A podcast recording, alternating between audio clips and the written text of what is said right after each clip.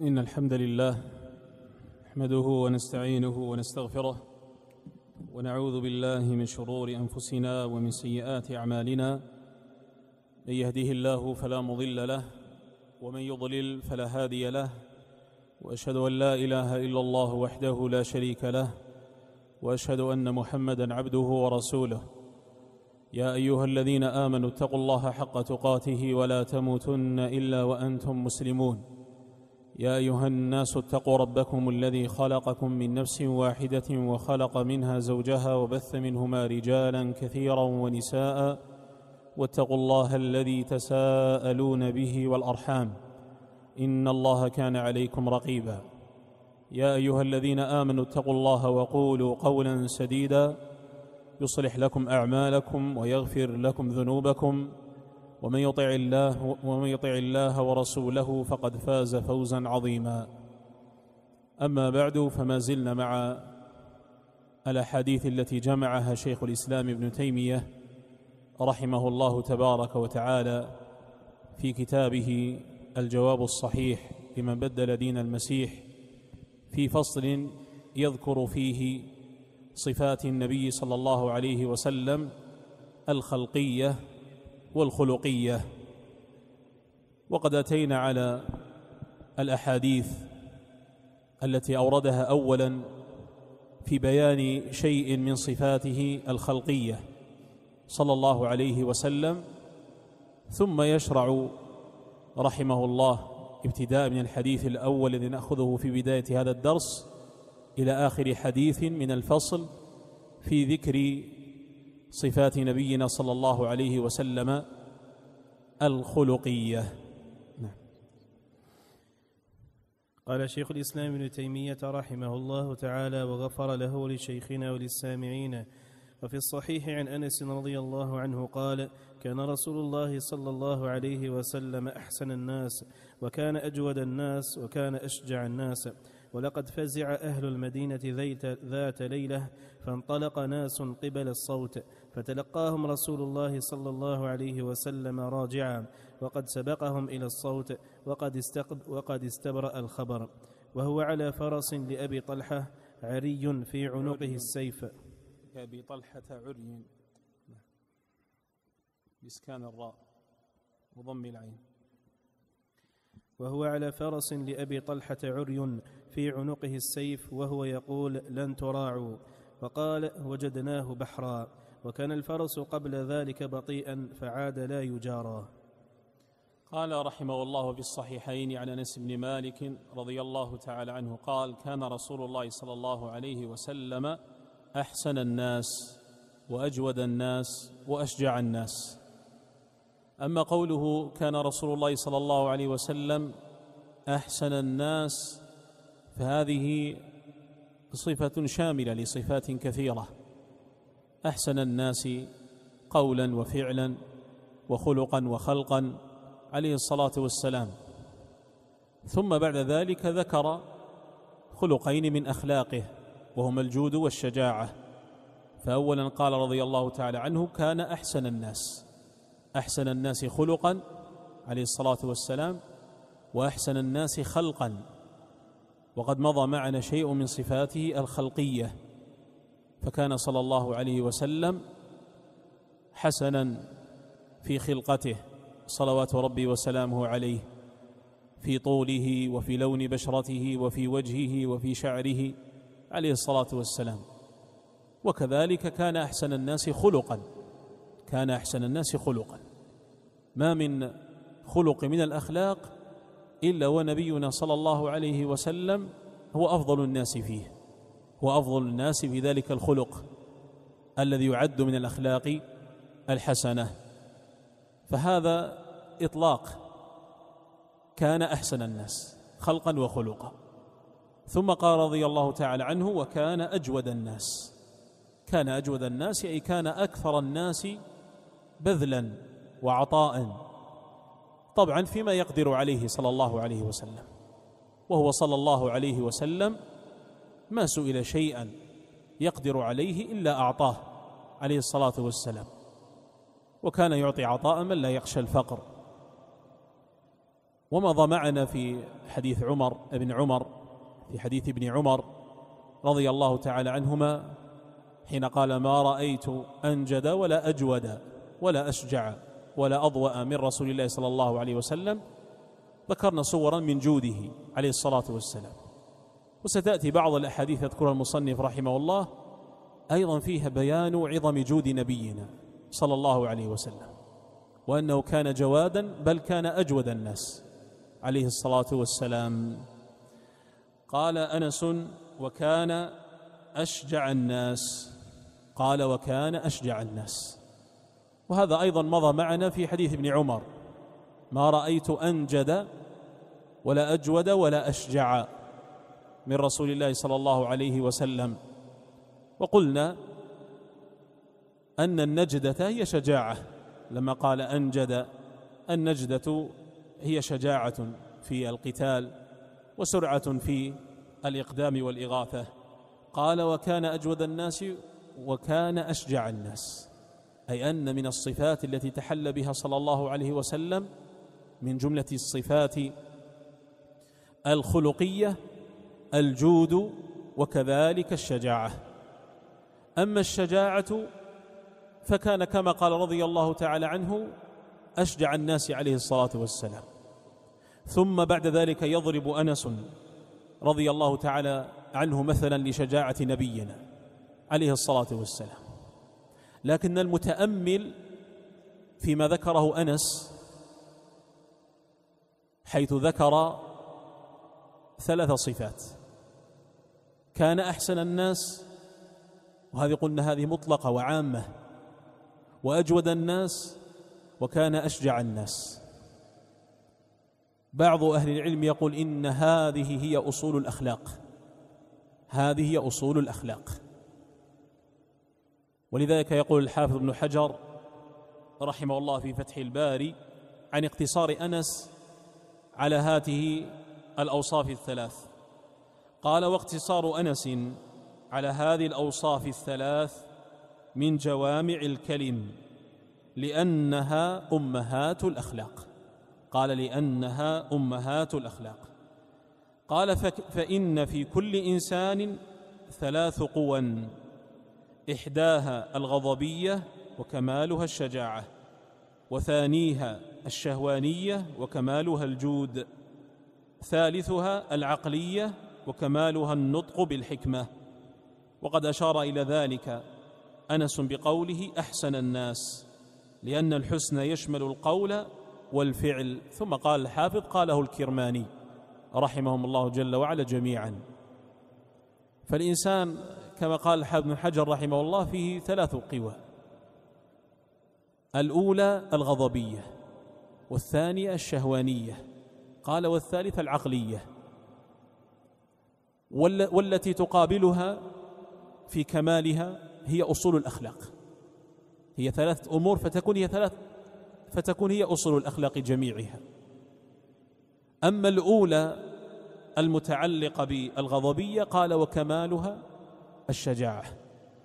وأما الشهوانية قال كمالها الجود. وبعض أهل العلم يقول أن الذي يقابل الشهوانية في كمالها العفة يقولون العفة. والعقلية التي هي الثالثة يقابلها الحكمة أو النطق بالحكمة كما قال ابن حجر رحمه الله.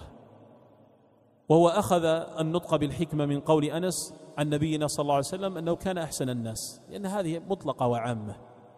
يدخل فيها الحسن في القول والفعل والصفات الخلقية وجميع الصفات الخلقية لكن هو أشار إلى النطق بالحكمة إلى نطق نبينا صلى الله عليه وسلم بالحكمة. فلعله لأجل هذا أنس رضي الله تعالى عنه ذكر هاته الأوصاف الثلاث.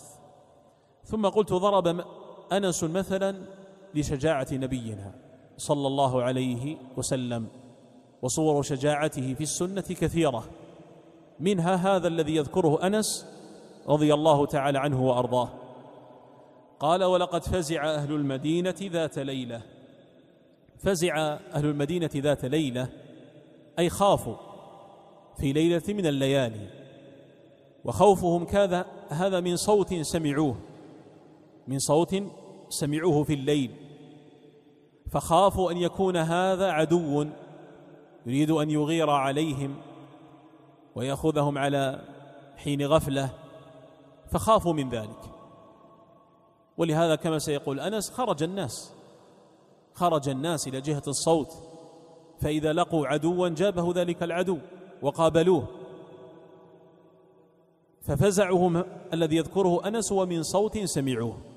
قال فزع أهل المدينة ذات ليلة أي من صوت سمعوه.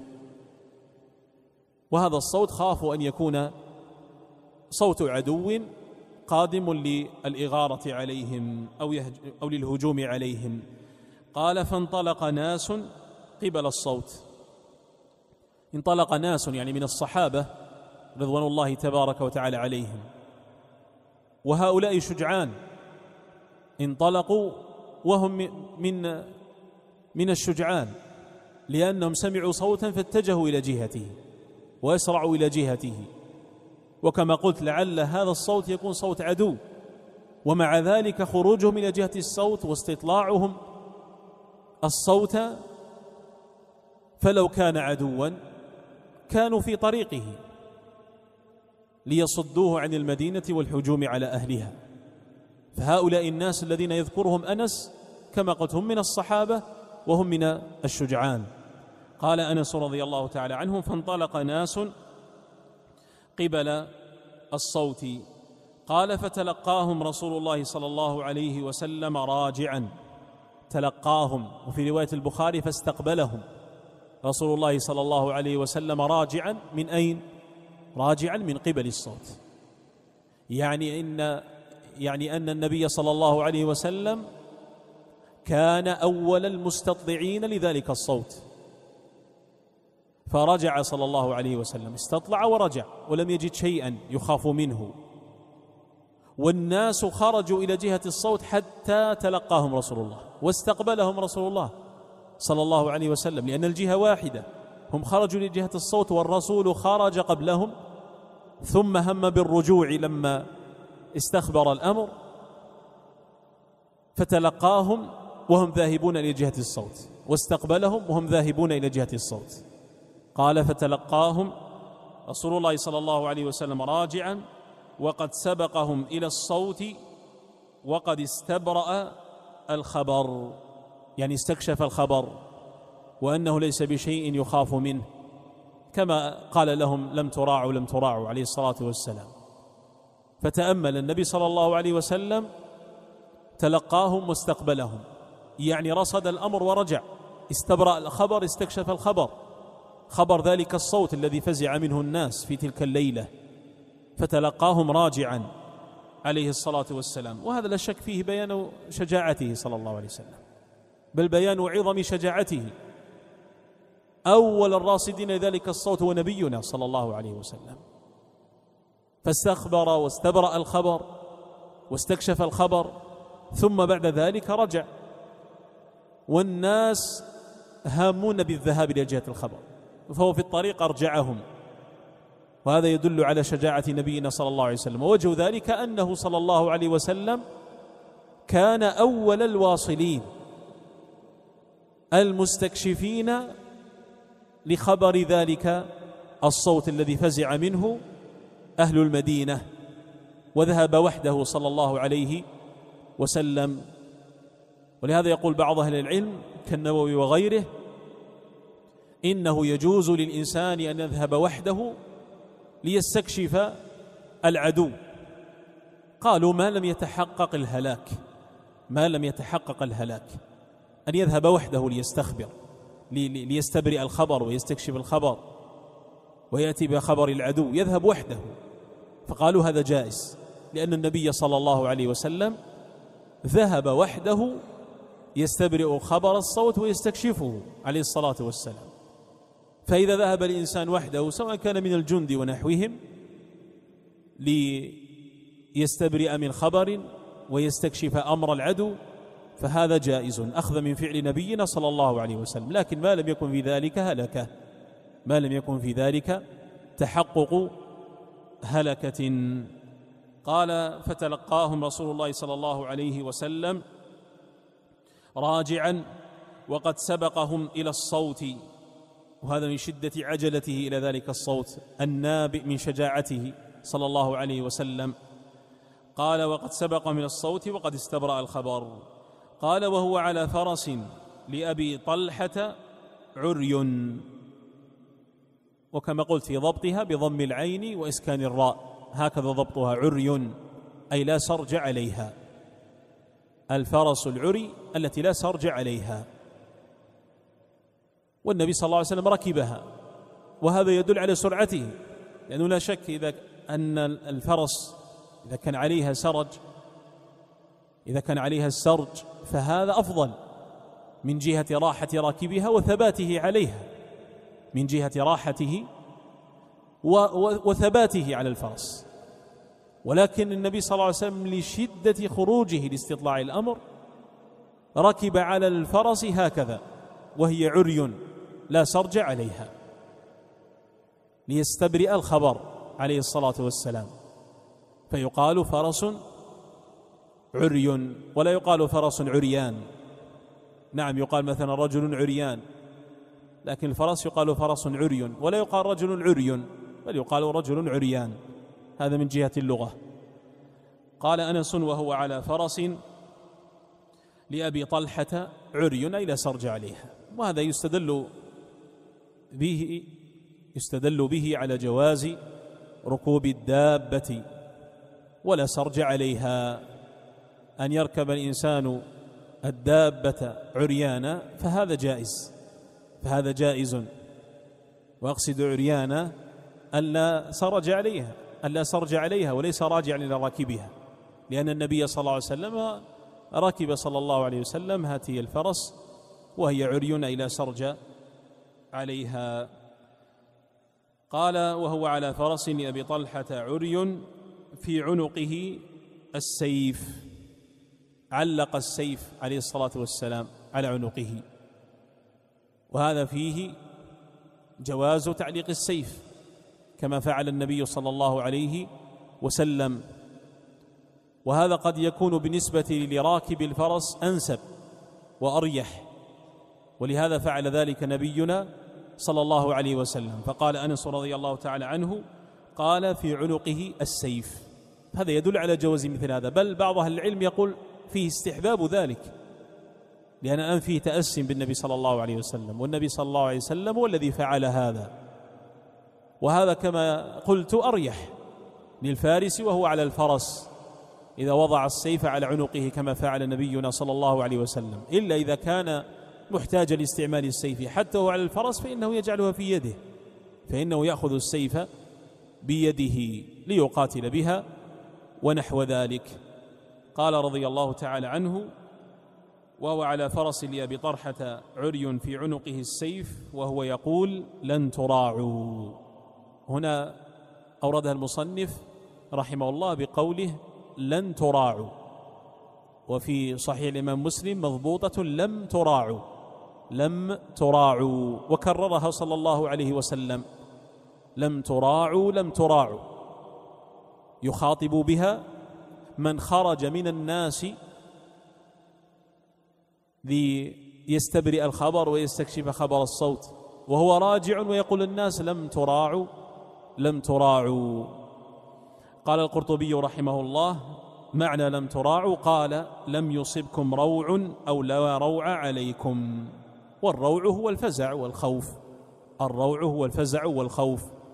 وهذه الكلمة قالها النبي صلى الله عليه وسلم.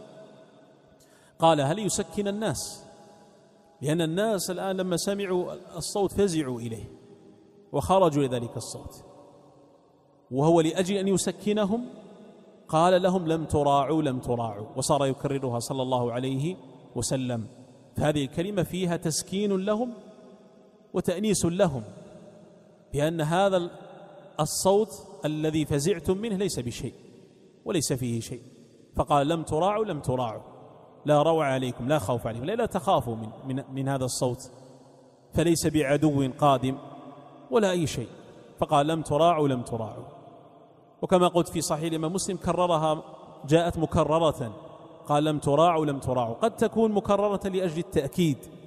يؤكد صلى الله عليه وسلم لم تراعوا لم تراعوا. أو قد يكون ذلك كل واحدة منها لخطاب قوم عن يمين وعن شمال. التفت إلى هؤلاء فقال لم تراعوا والتفت إلى هؤلاء فقال لم تراعوا عليه الصلاة والسلام. قال وهو يقول لن تراعوا لن تراعوا. هذا منه صلى الله عليه وسلم تبشير للناس بعدم الخوف يبشرهم بعدم الخوف. جاء أمر يخاف منه ولهذا فزع أهل المدينة خافوا. من ذلك الصوت فخرجوا يرصدون ذلك الصوت. والنبي صلى الله عليه وسلم استكشف الخبر فرجع يبشر الناس بأن لا خوف عليهم وهو يقول لم تراعوا لم تراعوا لا روع عليكم لا خوف عليكم. يبشرهم. والذي يفعل هذا هو النبي صلى الله عليه وسلم. ونستفيد منه أنه يستحب للإنسان أن يبشر الناس بذهاب الخوف. أن يبشر الناس بذهاب الخوف. لو كان ثمة أمر قد خاف منه الناس ثم زال وذهب فيستحب لمن علم ذلك أن يبشر الناس بأن ما يخافون منه قد ذهب ولا شيء يخوفهم. فالنبي صلى الله عليه وسلم لما قال ذلك قاله لم تراعوا قاله تبشيرا للصحابة ممن فزع وخرج مستكشفا الخبر وهذا أمر يرجع حتى إلى أهل المدينة ممن لم يخرج بأنه لا خوف عليكم بشرهم بذلك صلى الله عليه وسلم. ففي الحديث استحباب تبشير الناس بعدم الخوف. إذا ذهب الخوف وولى. وإذا قلنا إنه يستحب تبشير الناس بذهاب الخوف كيف بحال من يخوف الناس؟ كيف بحال من يخوف الناس. النبي صلى الله عليه وسلم هنا يبشر الناس بعدم الخوف. أمر خاف منه المسلمون فبشرهم صلى الله عليه وسلم بذهب ذلك الخوف وما يخوفهم. هل يأتي إنسان ويخوف الناس؟ يخوف المسلمين. وفعله هذا هل نجعله في مقابل هذه السنة؟ نقال نقول السنة أن تبشر الناس بذهاب الخوف. وهذا تستفيد منه أن المسلم لا يخوف الناس ولا يخوف المسلمين على وجه الخصوص. فإن من يخوف الناس هذا بعيد عن هدي النبي صلى الله عليه وسلم. لأن السنة أولا جاء فيها النهي عن تخويف المسلمين. لا يروع مسلم مسلمة. نهى النبي صلى الله عليه وسلم عن ذلك. على أن يروع المسلم أخاه المسلم لا يخوفه. ولو كان مازحا سواء كان جدا أو هزلا لا يجوز له أن يروعه. لا يأخذ أحدكم متاع أخيه لاعبا ولا جادا. يأخذ متاع أخيه يعني من باب الهزل وإخافته والإنسان إذا ذهب متاعه يضطرب. فالنبي صلى الله عليه وسلم قال لا يأخذ أحدكم متاع أخيه.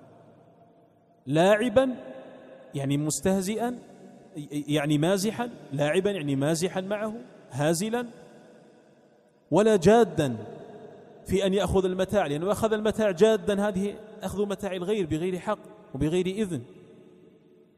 ولا يحل مال امرئ مسلم إلا عضي بنفس كما قال صلى الله عليه وسلم. ولو كان لاعبا مازحا فنقول هذا مزاح لا يجوز. وهذا فيه ترويع. للمسلم وهو لا يجوز نهى عنه النبي صلى الله عليه وسلم.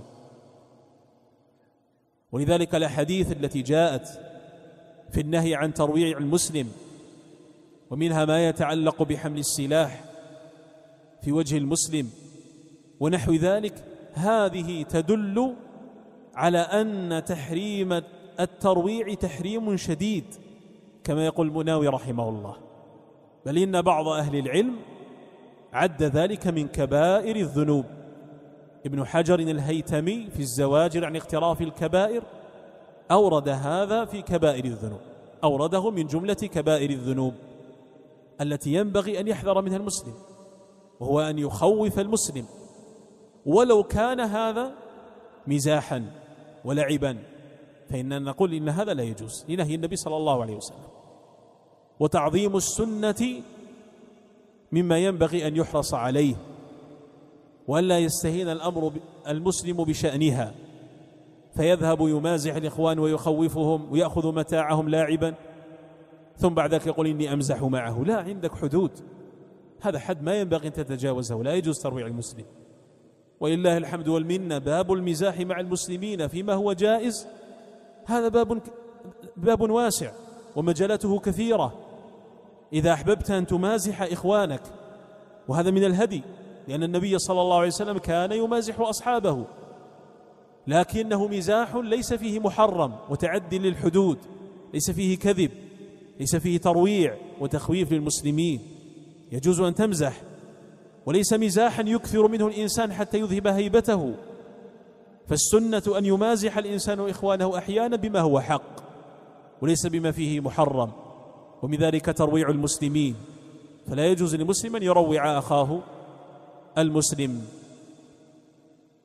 إذا كنا نهينا عن ترويع الحيوان فما بالك بالمسلم؟ النبي صلى الله عليه وسلم ذات مرة وهو مع أصحابه جاءت حمرة ترف فوق رأسه. فعلم النبي صلى الله عليه وسلم من حالها أنها فجعت في فرخيها. فقال من فجع هاته في فرخيها. فقال من كان مع النبي صلى الله عليه وسلم نحن يا رسول الله. فقال ردوهما فجعها في فرخيها. هذه هذا طائر حمرة وفجعت والرسول قال ردوهما. لا تفجع مثل هذه وهي من جملة الحيوان الطيور. فما بالك بالمسلم؟ يروع. فإنه لا يجوز ذلك.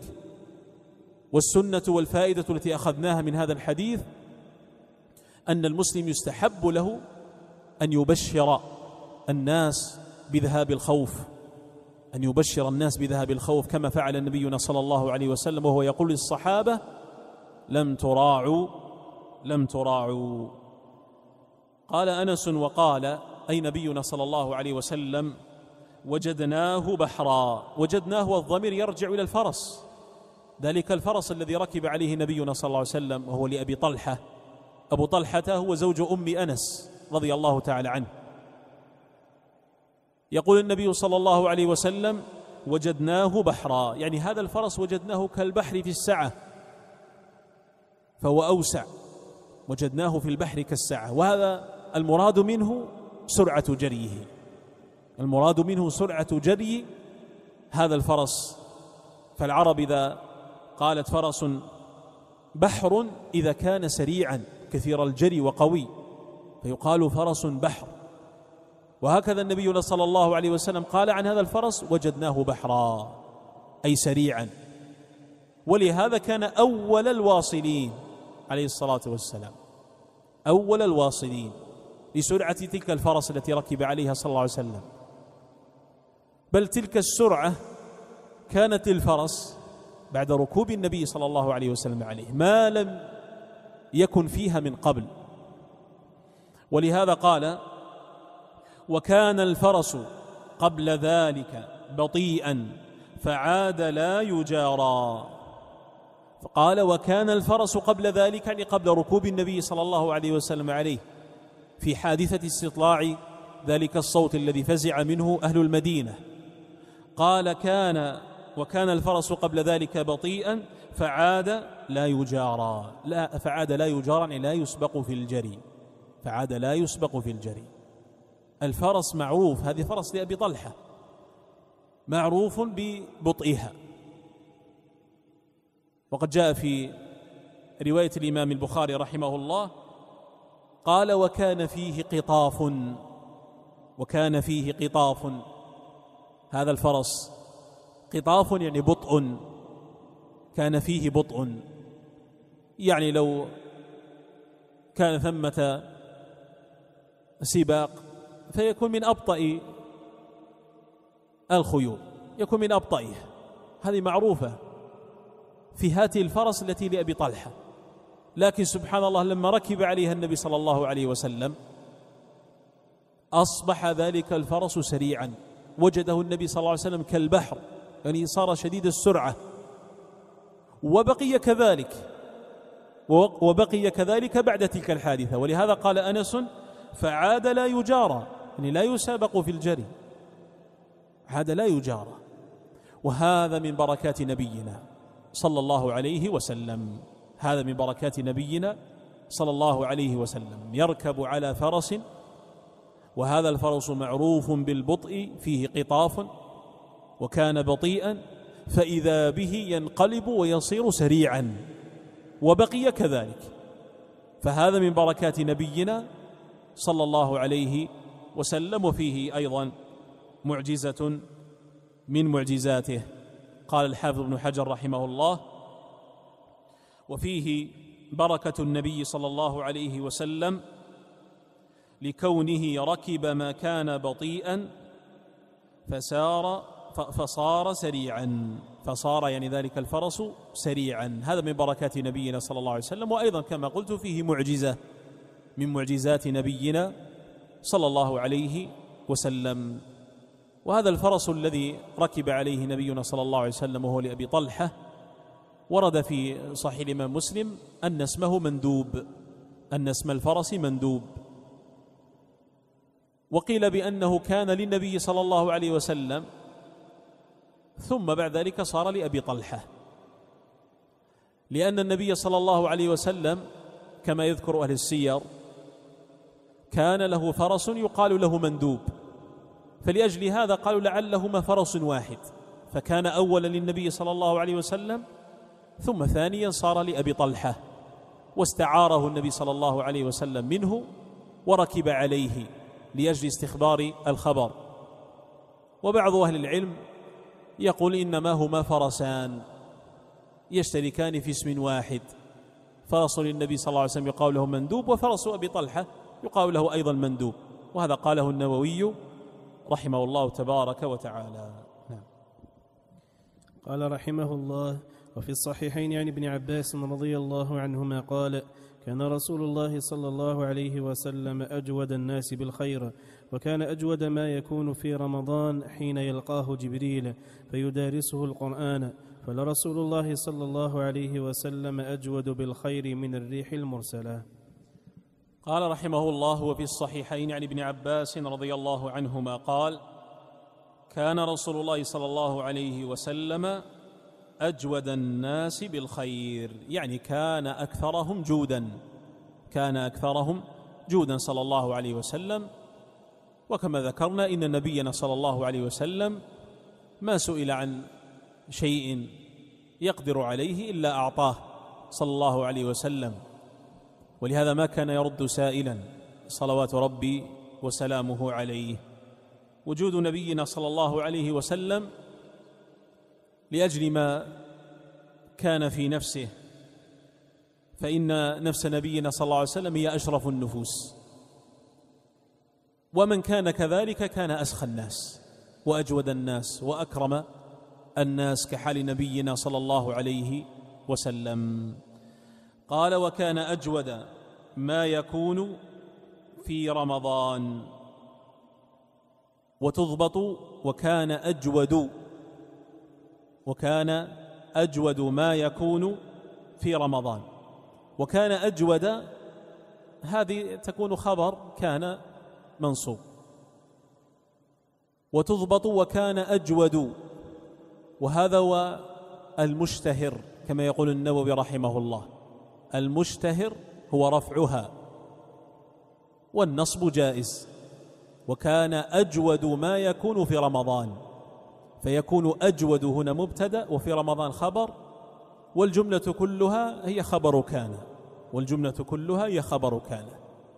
فإنها تضبط وهذا هو المشهور. وكان أجود أي نبينا صلى الله عليه وسلم أجود ما يكون في رمضان. قال الحافظ بن حجر ويرجح الرفض ويرجح الرفع وروده بدون كان عند البخاري في الصوم يعني في باب الصوم.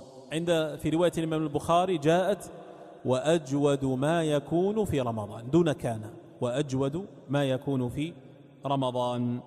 قال وكان أجود ما يكون في رمضان. تأمل اولا وانظر في هذا التدرج. قال ابن عباس كان رسول الله صلى الله عليه وسلم أجود الناس بالخير. ثم يقول وكان أجود ما يكون في رمضان. ذكر أنه كان أجود الناس ثم بعد ذلك يقول أنه صلى الله عليه وسلم كان أجود ما يكون في رمضان.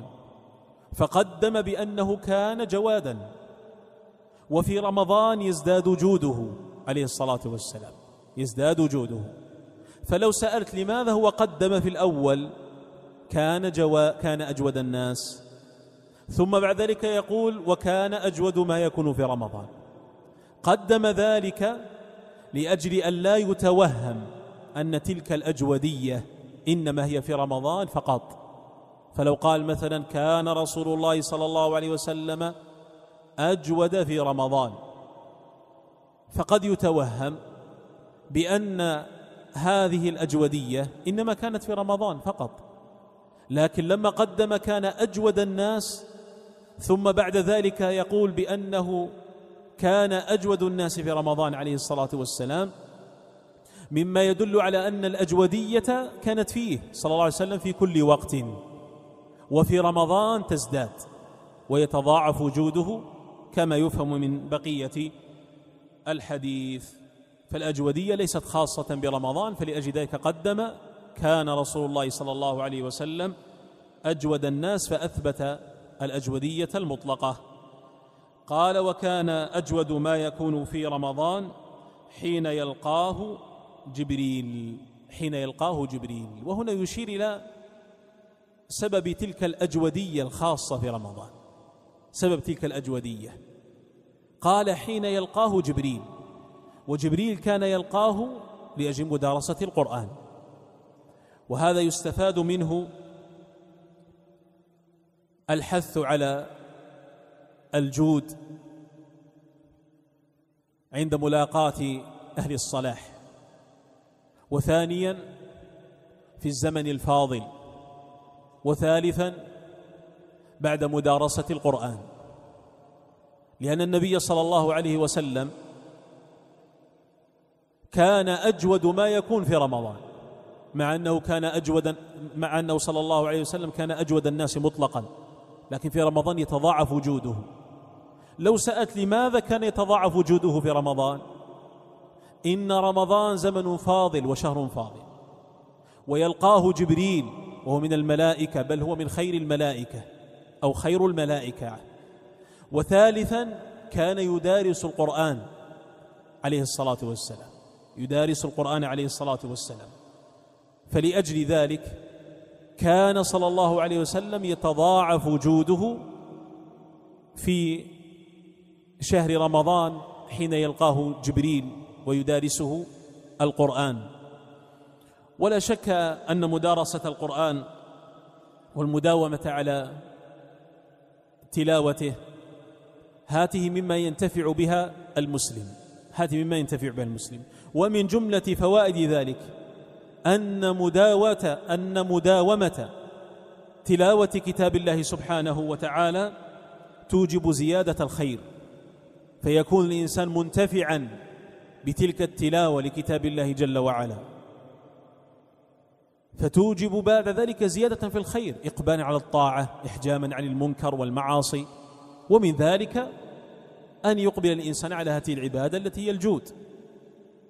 فالفائدة التي تستفيدها من مداومة تلاوة القرآن ومدارسته أنك تقبل على الخير وتزداد خيرا.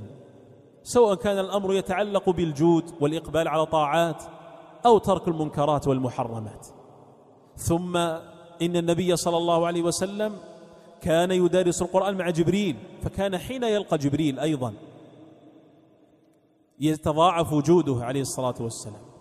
وفي الزمن الفاضل الذي هو شهر رمضان وشهر رمضان هو شهر الجود والكرم. شهر رمضان هو شهر الجود والكرم. والتصدق في شهر رمضان له مزية لفضل ذلك الوقت وذلك الزمن وهو شهر رمضان الشهر الفضيل. فلأجل هذا كان نبينا صلى الله عليه وسلم يتضاعف وجوده عليه الصلاة والسلام. فإذا تأملت في كلام ابن عباس فإن النبي صلى الله عليه وسلم كان أجود الناس مطلقا. حين يأتي الزمن الفاضل الذي هو رمضان يتضاعف وجوده خصوصا إذا لقيه جبريل ليدارسه كتاب الله سبحانه وتعالى فيتضاعف وجود نبينا صلى الله عليه وسلم قال فيدارسه القرآن. حين يلقاه جبريل فيدارسه القرآن. وفي رواية فيعرض رسول الله صلى الله عليه وسلم عليه القرآن. ومعنى يعرض عليه نبينا صلى الله عليه وسلم أي أن النبي صلى الله عليه وسلم يقرأه عن ظهر قلبه. يقرأ القرآن عن ظهر قلبه عليه الصلاة والسلام. لو, لو قيل عرض الرجل الكتاب معناه أظهره أو قرأه عن ظهر قلب. قرأه عن ظهر قلب حافظا له ولما فيه. وكذلك كان نبينا صلى الله عليه وسلم يعرض القرآن. فكان هو الذي كان يتلو وجبريل يستمع. وجبريل يستمع. غير أن هذه الرواية التي بين أيدينا يدارسه القرآن ومدارسة القرآن بين اثنين تكون القراءة منهما. ولا تعارض أن يقال كان يدرس القرآن أو أن النبي صلى الله عليه وسلم كان يعرض عليه القرآن. لأنه يمكن أن يجمع بين هذين بأن كل منهما كان يعرض على الآخر. أن كل منهما كان يعرض على الآخر القرآن فتكون هذه المدارسة. فتكون هذه مدارسة لكتاب الله سبحانه وتعالى. فكان يتضاعف وجوده حين يلقى جبريل عليه السلام يلقاه جبريل. قال فيدارسه القرآن وهذا فيه استحباب مدارسة كتاب الله سبحانه وتعالى. استحباب مدارسة كتاب الله سبحانه وتعالى.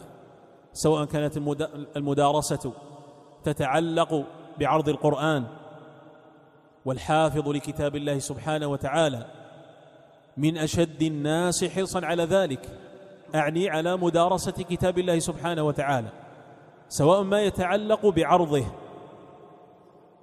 وهذه من المذاكرة ومن تعهد القرآن. فالإنسان الذي حفظ القرآن ومعلوم أن الإنسان يحفظ القرآن شيئا فشيئا والأفضل في هذا أن يحفظ أن يعرض القرآن على شيخ. متقن لكتاب الله سبحانه وتعالى. ثم بعد ذلك إذا حفظ القرآن كله أو شيئا منه يحتاج إلى تعهد ذلك القرآن. ومن ذلك أن يعيد العرض مرة أخرى.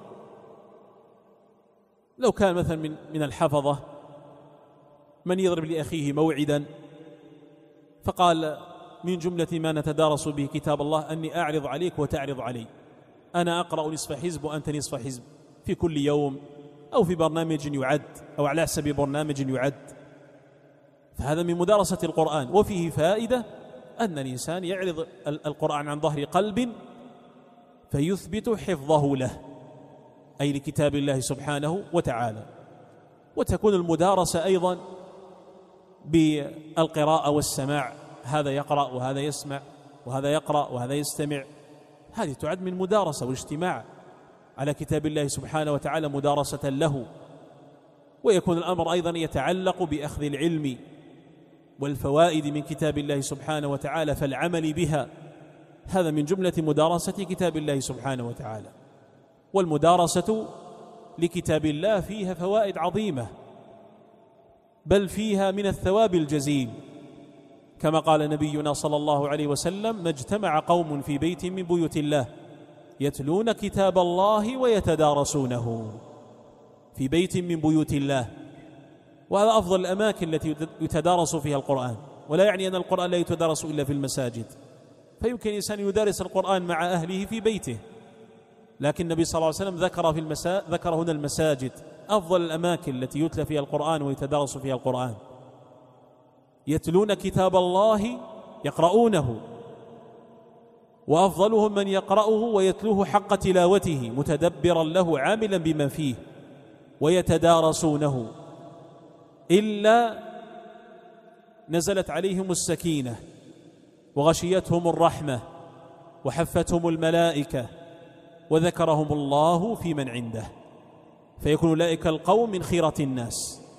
تأتي الملائكة إكراما لهم فتحفهم وتغشاهم السكينة الرحمة. وينزل الله جل وعلا عليهم السكينة في قلوبهم لأنهم يتذاكرون كلامه. ثم يكرمهم الله بأن يذكرهم بأن يذكرهم في الملأ الأعلى. ومن ذكر الله جل وعلا في ملأ ذكره سبحانه وتعالى في ملأ خير منه. فيستفاد من هذا استحباب مدارسة القرآن. في شهر رمضان على وجه الخصوص فهو شهر القرآن وفي غير رمضان.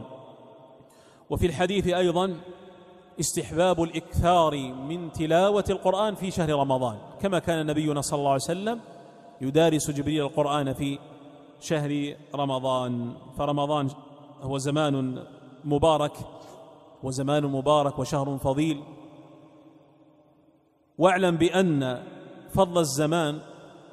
إذا قلنا رمضان شهر مبارك وزمان فضيل فاعلم أن فضل الزمان إنما يكون بزيادة العبادة.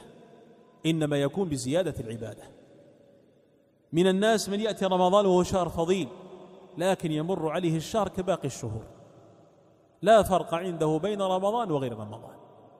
لكن من أدرك هذا الشهر ثم أقبل فيه على العبادة على عبادة الله سبحانه وتعالى فهذا لا شك بأنه قد أدرك هذا الزمن الفاضل واغتنمه واغتنمه بإقباله على العبادة وإكثاره منها. قال فرسول فلا رسول الله صلى الله عليه وسلم أجود من الريح أجود بالخير من الريح المرسلة. شبه جود النبي صلى الله عليه وسلم بالخير بل شبه إسراع النبي صلى الله عليه وسلم في الجود. بسرعة الريح المرسلة. شبه إسراع النبي صلى الله عليه وسلم في الجود بالريح المرسلة. وهذا التشبيه من وجوه. أما الوجه الأول وهو من جهة من جهة السرعة فإن هاته الريح المرسلة تكون سريعة. هاته الريح المرسلة تكون سريعة فكذلك جوده. كان سريعا في الجود عليه الصلاة والسلام. والجهة الثانية من جهة عموم النفع فإن الريح المرسلة إذا هبت فإنه يعم نفعها. إذا هبت على مكان معين فإن نفعها يعم ذلك المكان. وكذلك جوده صلى الله عليه وسلم كان فيه عموم النفع. ومعلوم أن نبينا صلى الله عليه وسلم كان جوادا فكان لا يرد سائلا عليه الصلاة والسلام. وما سئل عن شيء إلا أعطى صلوات ربي وسلامه عليه. ومن جهة ثالثة أيضا دوام جوده صلى الله عليه وسلم وعمله في شهر رمضان كدوام هبوب تلك الريح. فإن الريح إذا هبت فإنها تكون مستمرة لا تكون متقطعة يعني تبدأ ثم تنتهي. فهي مستمرة وهذا الذي أعنيه بالاستمرار. لا يعني أنها إذا هبت لا, لا تسكن لا تسكن بعد ذلك لا. بل إنها إذا هبت إلى وقت سكونها فإنها مستمرة غير متقطعة. وهكذا كان عمله صلى الله عليه وسلم في رمضان ومن ذلك جوده صلى الله عليه وسلم في رمضان. فهذه أوجه تشبيه ابن عباس جود نبينا صلى الله عليه وسلم بالريح المرسلة. بل هو قال رضي الله تعالى عنه فلا رسول الله صلى الله عليه وسلم أجود بالخير أجود بالخير من الريح المرسلة. ووجه كونها أجود أن الريح المرسلة تهب مع عموم نفعها وسرعتها ومع استمرارها من غير تقطع فإنها تسكن بعد ذلك. لكن جوده صلى الله عليه وسلم باق في رمضان وبعد رمضان فكان أجود الناس عليه الصلاة والسلام.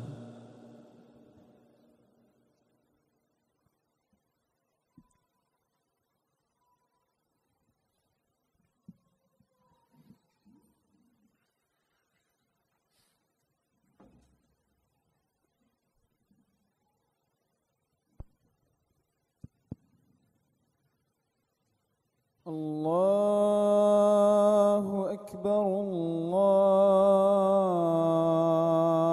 أكبر.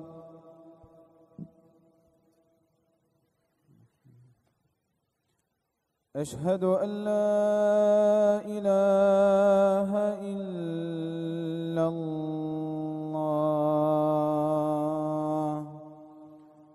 أشهد أن لا إله إلا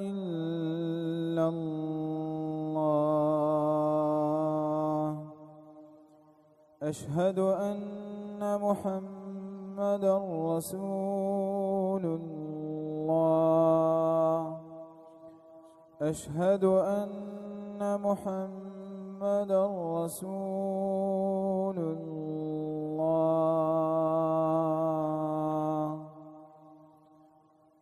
حي على الصلاة. حي على الصلاة.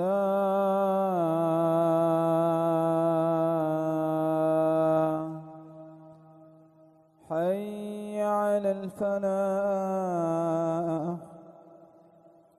حي على الفلاح.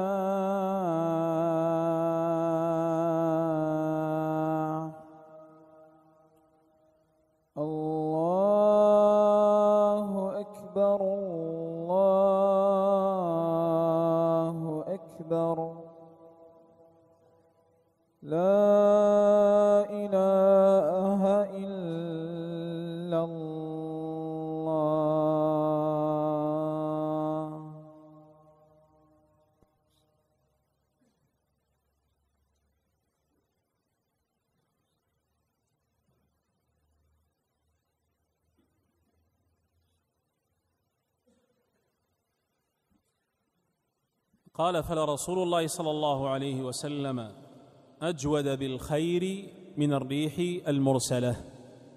وقوله من الريح المرسلة الريح المرسلة بالخير الريح المرسلة بالخير. كالتي تأتي مرسلة بالخير المتعلق بالغيث الذي ينفع الناس. وهو الذي يرسل الرياح بشرا بين يدي رحمته كما قال سبحانه وتعالى.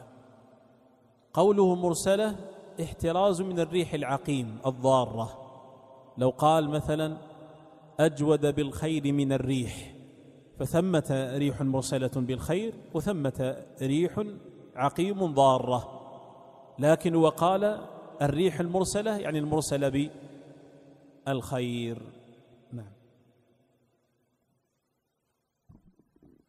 قال رحمه الله وفي الصحيحين عن البراء بن عازب رضي الله عنه قال كنا إذا احمر البأس نتقي به وإن الشجاع منا الذي يحاذي به يعني رسول الله صلى الله عليه وسلم. أورد هذا الحديث حديث البراء لبيان شجاعته وإقدامه عليه الصلاة والسلام. فأورد حديث أنس الأول في بيان شجاعته وفيه بيان جوده. وورد حديث ابن عباس لبيان جوده.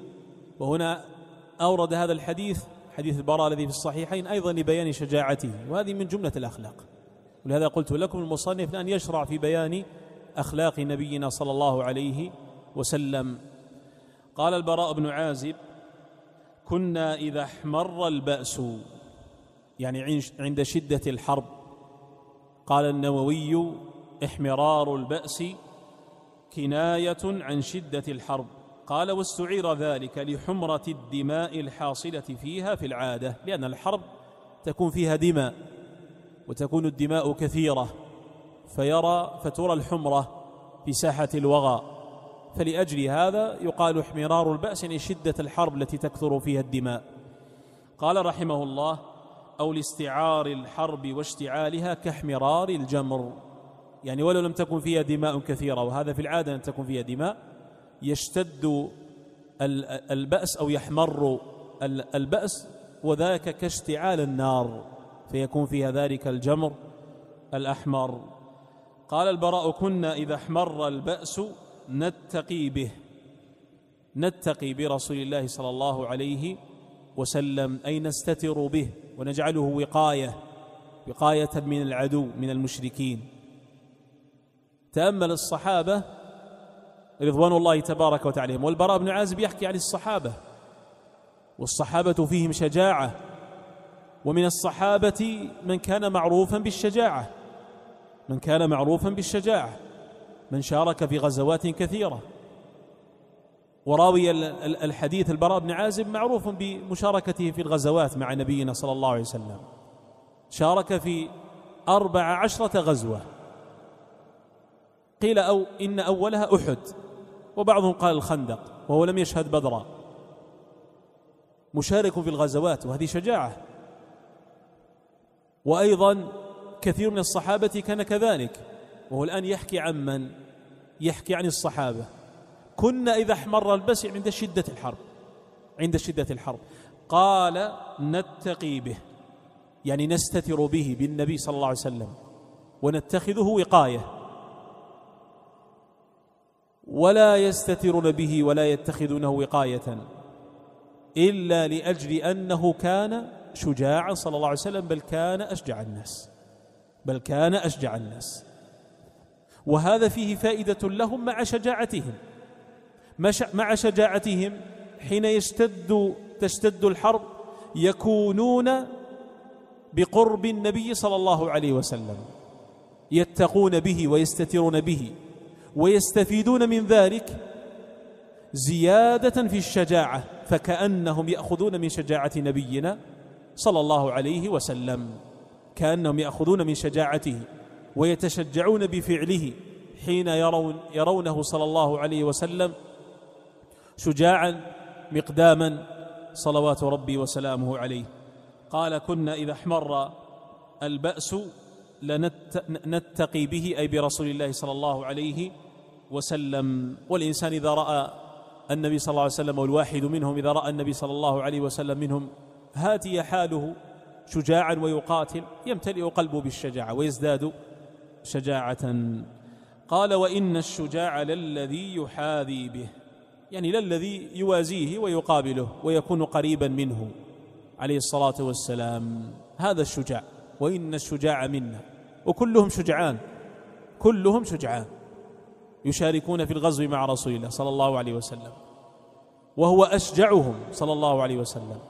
ومن كان قريبا من النبي صلى الله عليه وسلم فإن شجاعته تعظم. ويمتلئ قلبه شجاعة حين يرى قتال النبي صلى الله عليه وسلم. فلقد كان أشجع الناس على الإطلاق. صلوات ربي وسلامه عليه. نعم. قال وعن علي بن أبي طالب رضي الله عنه قال لما كان يوم بدر اتقينا المشركين برسول الله صلى الله عليه وسلم وكان أشد الناس باسا وما كان أحد أقرب إلى العدو منه ذكره البيهقي بإسناد صحيح. أثر علي رضي الله تعالى عنه كأثر البراء بن عازب رضي الله تعالى عنه. نفس الأمر في بيان شجاعة النبي صلى الله عليه وسلم في الحرب. فكان هو أشجع الناس والصحابة من كان قريبا من النبي صلى الله عليه وسلم منهم يعد أيضا من الشجعان وكلهم شجعان كما قلت لكن من كان قريبا من النبي صلى الله عليه وسلم يزداد شجاعة ويمتلئ قلبه شجاعة فيستفيد من شجاعة النبي صلى الله عليه وسلم. قال وعن علي بن أبي طالب رضي الله تعالى عنه قال لما كان يوم بدر يعني في غزوة بدر قال اتقينا المشركين برسول الله صلى الله عليه وسلم. المتكلم هو علي ومن هو علي في باب الشجاعة رضي الله تعالى عنه. في نفس الغزوة غزوة بدر هو كان من أحد المبارزين للمشركين في قبل بداية الغزوة وقتل من بارزه. وفي خيبر يبعثه النبي صلى الله عليه وسلم حامل الراية على رأس من بعث. ليفتح خيبر. فهو من الشجعان ومن أشجع الصحابة رضوان الله تبارك وتعالى عليهم. هو نفسه تأمل ماذا يقول؟ يقول رضي الله تعالى عنه لما كان يوم بدر اتقينا هو وغيره من الصحابة. قال اتقينا المشركين برسول الله صلى الله عليه وسلم. اتقينا يعني اتخذناه وقاية من المشركين. اتقينا المشركين برسول الله اتخذناه وقاية من المشركين في هذه الغزوة. في غزوة بدر. والإنسان يتقي بالشيء يعني يتخذه وقاية له وحماية له من شيء آخر. فهم كانوا يتقون برسول الله من المشركين يتخذونه وقاية من المشركين. وما هذا إلا لشجاعته صلى الله عليه وسلم. قال وكان أشد الناس بأسا. أشد الناس بأسا يعني أشد الناس شجاعة. فيقال شديد البأس الشجاع. شديد البأس هو الشجاع. رجل شديد البأس يعني رجل شجاع. فقول علي رضي الله تعالى عنه وكان أشد الناس بأسا يعني كان أشدهم شجاعة عليه الصلاة والسلام أو كان أشجعهم عليه الصلاة والسلام. قال وما كان أحد أقرب إلى العدو منه والإنسان الذي يقرب من العدو. هذا لا شك أنه تكون عنده شجاع تكون عنده شجاعة عظيمة. فتستفيد من هذا من قول علي وما كان أحد أحد أقرب إلى العدو منه أنه كان أشجعهم صلى الله عليه وسلم وهو أشجع الناس. كما قال أنس رضي الله تعالى عنه كان أشجع الناس على الإطلاق عليه الصلاة والسلام. ونستفيد من هذا أن من الأخلاق الفاضلة العظيمة التي تحل بها نبينا صلى الله عليه وسلم خلق الشجاعة. وقد ذكرنا في الدرس الأول أن أخلاق النبي صلى الله عليه وسلم بالنسبة لنا يتعلق بها أمران. أما الأمر الأول هو العلم بها وأن نتعلم أخلاقه صلى الله عليه وسلم. والأمر الثاني هو العمل بها. فإذا تعلمت أن نبيك صلى الله عليه وسلم كان شجاعا فإنه ينبغي عليك أن تحرص على هذا الخلق أن تحرص على خلق الشجاعة متأسيا بالنبي صلى الله عليه وسلم في ذلك. وإياك والجبن فإن النبي صلى الله عليه وسلم كان يستعيذ بالله سبحانه وتعالى منه. كان يستعيذ بالله سبحانه وتعالى منه. بل إنه صلى الله عليه وسلم قال شر ما في رجل شح هالع وجبن خالع. هذا شر ما في الرجل. ومن ذلك قال جبن خالع. جبن خالع يخلع قلبه. لأن خير ما في الرجل كما يفهم الحديث أن يكون شجاعا مقداما أن يكون شجاعا مقداما وأن لا يكون جبانا. وإذا قلنا إن الإنسان ينبغي أن يكون شجاعا وينبغي أن يحذر من ضد الشجاعة فيما يتعلق بالتفريط وهي الجبن فينبغي عليه أيضا أن يحذر من الإفراط. وأن يكون عنده التهور الذي يهلكه وصاحبه يحسب نفسه شجاعا لأن التهور يؤدي بصاحبه إلى المهالك. التهور والإقدام على الأمر بلا رأي. إقدام على الأمر بلا رأي. يكون عند الإنسان حق ويرى نفسه أنه ينبغي عليه مثلا أن ينصر هذا الحق. وإن من أعظم الشجاعة الشجاعة في قول الحق ونصرته. هذه من الشجاعة. ليست الشجاعة في القتال فقط بل الشجاعة تكون أيضا في قول الحق ونصرته. ولهذا نبينا صلى الله عليه وسلم قال لا يمنعن رجلا هيبة الناس أن يقول بحق علمه أو شهده أو سمعه. لا يمنعن رجلا هيبة الناس مخافة الناس. ينبغي أن يكون شجاعا في قول الحق لكن أن يقول الحق برأي مراعيا في ذلك المصالح والمفاسد لا بتهور.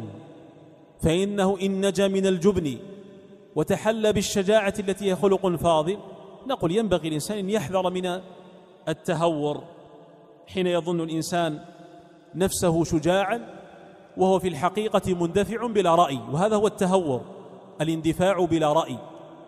فيريد نصرة الحق وقول الحق لكن يكون هذا بتهور وليس بشجاعة.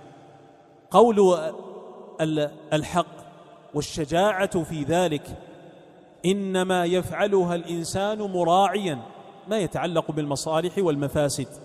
مراعيا هذا الأمر وهذا الجانب. فإذا كانت هيبة الناس لا تمنعك من قول حق علمته أو شهدته أو سمعته فإنه ينبغي عليك أن تنظر أيضا وأن تكون ذا رأي. وإن لم تكن ذا رأي فاستشر أهل الرأي من أهل الفضل والعلم. أيقال مثل هذا أو لا يقال؟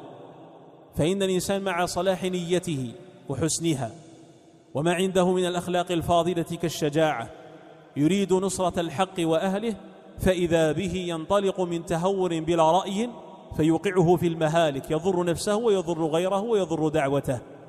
ولذلك من الأمور التي يحرص عليها التعلم فإذا تعلمت الشجاعة وتعلمت الأخلاق الفاضلة وتحليت بها وهو العمل فإن لهذا العمل ينبغي أن يكون على وفق ما جاءت به الشريعة وعلى مراعاة المصالح التي جاءت بها الشريعة والمفاسد التي تدفعها الشريعة وأن لا يكون الإنسان متهورا كما أنه لا يكون جبانا.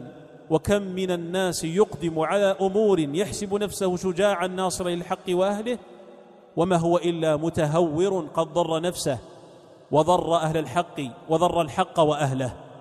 إذ فتح بابا من أبواب الشر ودخول أهل الباطل عليه وتضليل الناس بسبب ذلك. ولهذا الإنسان يقول الحق وينبغي عليه أن يراعي في قول ذلك الحق والتكلم, والتكلم به المصالح والمفاسد التي تجلبها هذه الشريعة وجاءت بدفعها أعني بها الأولى المصالح والثانية المفاسد. والله تعالى أعلم وصلى الله وسلم وبارك على نبينا محمد وعلى آله وصحبه ومن